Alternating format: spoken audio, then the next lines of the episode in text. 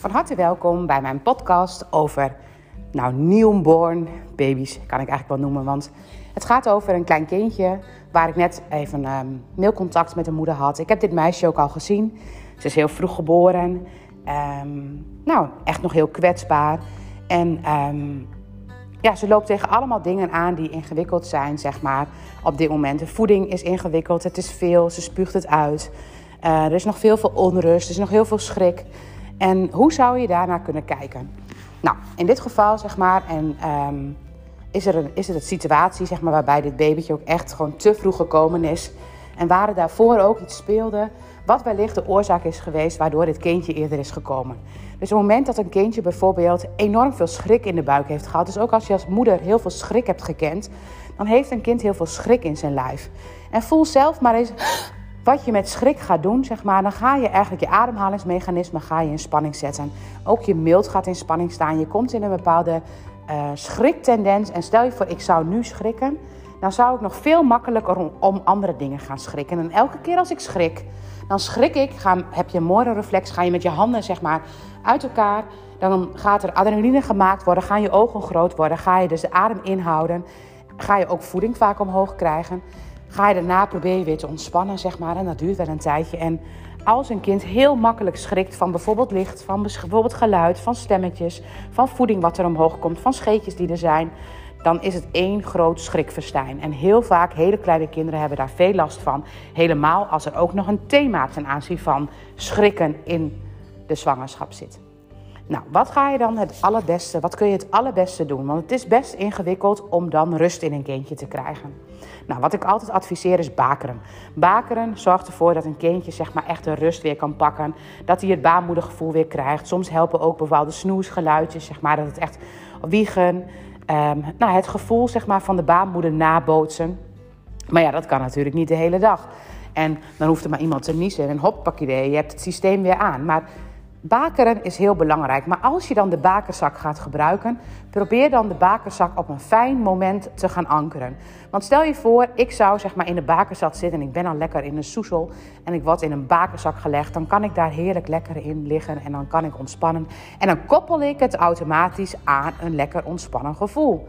Maar het moment dat ik gebakerd word, vlak voordat ik nou moet gaan slapen, en ik word gebakerd, zeg maar, en dan word ik gebakerd weggelegd, dan heeft het een hele andere energie. Je voelt het alleen al aan de manier waarop ik het denk ik zeg. Dan, dan moet een kind eigenlijk de rust op dat moment gaan vinden. Maar eigenlijk is het belangrijk om dat bakengevoel te geven, zodat er gevoelens worden, zeg maar dat een kind eigenlijk vanuit een fijn gevoel in die bakenzak komt. Dus nooit een bakenzak gaan ankeren als ze huilen of als ze weggelegd worden daarna. Want dan is de bakerzak al gekoppeld aan ik lig alleen.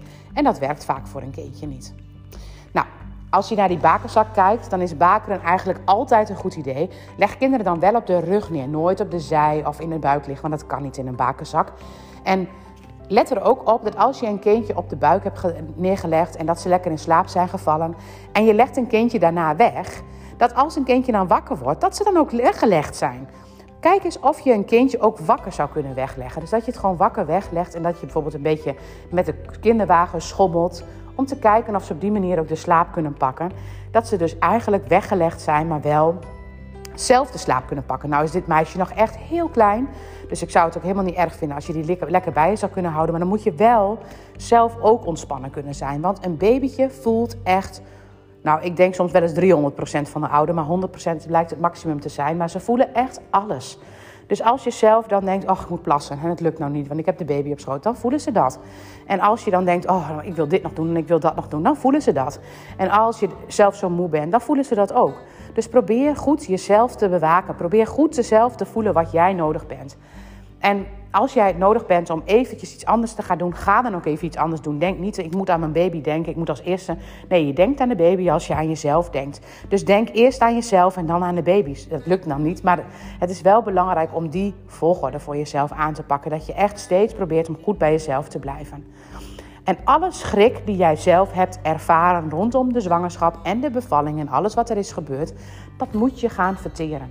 Want als jij het verteert, kan je kind beter verteren. Dus als bijvoorbeeld in de zwangerschap iets is geweest wat best wel heftig was voor jou, Ga dat dan opschrijven. Ga dat dan vertellen. Ga daar iets mee doen. Ga dat voelen wat het met je deed. Want het gaat over het voelen. Want als ik bijvoorbeeld iets meemaak wat heel heftig voor mij is.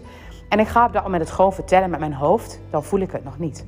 Maar op het moment dat ik het kan vertellen vanuit mijn hart, dan voel ik het wel. En dat is belangrijk. Ga vertellen wat het met jou heeft gedaan. Vertel dat je, dan, dat je bang was. Vertel dat je verdrietig was. Vertel dat je geschrokken was. Stel dat je het echt nog steeds niet snapt hoe dat toch is gekomen. Probeer het allemaal onder woorden te brengen en probeer het vooral te voelen. Want als jij het kan voelen, dan kun je het verteren. Maar als jij het er alleen maar uitgooit, zeg maar, dus eigenlijk alleen maar praat, dan gooi je het er aan de bovenkant weer uit. En dat staat gelijk aan reflux. Dus probeer het eens te gaan verteren. Probeer het eens te pakken. Probeer het eens te voelen wat er allemaal geweest is. Probeer de dingen die er zijn geweest. Van, de, van schrikmomenten tot bevalling, tot alles wat er omheen was, tot nu. Want nu is het ook niet te verteren wat er aan de hand is als het niet lekker gaat. En probeer het steeds te voelen wat het met je doet. En misschien geeft dat wel heel veel wanhoopgevoel. Misschien word je er wel super onrustig van. Maar probeer het steeds te verteren. Dus als een kindje onrustig is, probeer te zien dat je zelf ook onrust hebt. En dat het bijna zo moet zijn dat als het kindje rustig is, dat jij daar rustig van wordt. Maar het moet eigenlijk andersom zijn. Probeer zelf rustig te blijven, hoe onrustig je kind ook is. Want het grappige is, als jij dan rustig blijft, dan zul je zien dat je kind ook meer rust gaat ervaren. Dus kijk eens hoe je die rust bij jezelf kunt pakken. Hoe je die ontspanning weer kunt krijgen. En als ik iets heftigs heb meegemaakt, dan is het voor mij belangrijk om dat gewoon te voelen, om er gewoon bij te blijven. Als je kijkt naar pijn of een trauma en je gaat daar gewoon naar voelen, je gaat gewoon voelen hoe dat was en je gaat gewoon voelen, dan moet je soms super verdrietig zijn, dan voel je weer de wanhoop, dan voel je misschien wel benauwdheid op de borst, misschien ben je wel misselijk, maar die gevoelens moeten er echt door, daar moet je echt doorheen om te zorgen dat het allemaal een plekje gaat krijgen. En daar, dat helpt direct in de vertering bij een kindje. Dus probeer dat eens helemaal er doorheen te komen. Probeer dat eens helemaal te voelen, helemaal tot in de diepte. Want dan kun je het open krijgen. En dan kun je ook zien dat een kind daar rust in gaat vinden. En dat je samen daar rust in gaat vinden. En dat je eigenlijk samen een traumatische situatie hebt meegemaakt. En dat je eigenlijk daar allebei even doorheen moet. In plaats van in de overlevingsstand. Nu moet het rustiger. Dit moet ik gaan doen en dat moet ik gaan doen. En dat moet ik nu gaan doen. En dan kan ik voeding gaan veranderen. En dan kan ik. Dat zijn allemaal overlevingsstrategieën als een kindje te vroeg geboren is, gebeurt er heel vaak dingen met reflux. En ik vraag me soms af of het echt reflux is qua voeding. Natuurlijk is het ook zo zeg maar, dat een kindje dan nog echt minder makkelijk kan verteren omdat het nog niet helemaal uitgerijpt is. Maar soms is het ook omdat het bijna niet te verteren valt wat er gebeurd is. En dan is het belangrijk om dat rustig te gaan verteren, om daar de tijd voor te nemen, om dat een plekje te geven, om dan niet de dapperste kraamvrouw van de wereld te gaan zijn, maar om het, en ik weet ook, ik, ik praat alsof ik het zelf allemaal niet uh, op de goede manier heb gedaan, maar dat is echt niet zo. Maar probeer voor jezelf gewoon te kijken, zeg maar. Want als je dat verteert, dan voel je gewoon de rust in jezelf ontstaan. En kijk eens of dat lukt. Want als je dat doet, daarmee kun je zoveel rust brengen bij een kindje. En natuurlijk is het dan belangrijk om ook even naar het lijf te kijken of daar nog spanningen zitten. En nou ja, weet je, dat is dan het stukje taak wat ik kan doen. Alleen dat moet ook niet heel vaak, want daarmee krijg je ook een bepaalde onrust. En als je andere voeding neemt, ben je ook weer bezig met andere voeding en dan ga je ook weer uit het systeem. En dat is het ook niet altijd. Het gaat er voornamelijk om dat het belangrijk is om eerst dicht bij jezelf te blijven. Om te kijken of je die rust erin kan krijgen op deze manier. Om dan eens te kijken of je ook kunt wisselen. Want wisselingen geven, als ze zo klein zijn, vaak ook eerder meer onrust dan minder onrust. Nou, en hoe probeer je dan een kindje te laten slapen? Rust heb je echt nodig om uh, slaap erin te krijgen. Dus maak je niet zo druk om het slapen. Maar ik weet wel dat dat negatieve spiralen geeft. Maar als jij je daar druk over maakt, dan gaat het ook weer druk geven. Dus probeer in je systeem zeg maar, die rust te vinden. Probeer te zien zeg maar, wat er allemaal geweest is. En probeer liever naar jezelf te zijn en naar je kindje.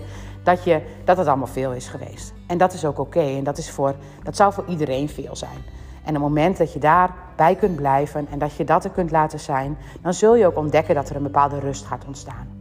Nou, ik hoop dat ik je hiermee een beetje heb geholpen. Dankjewel voor het luisteren.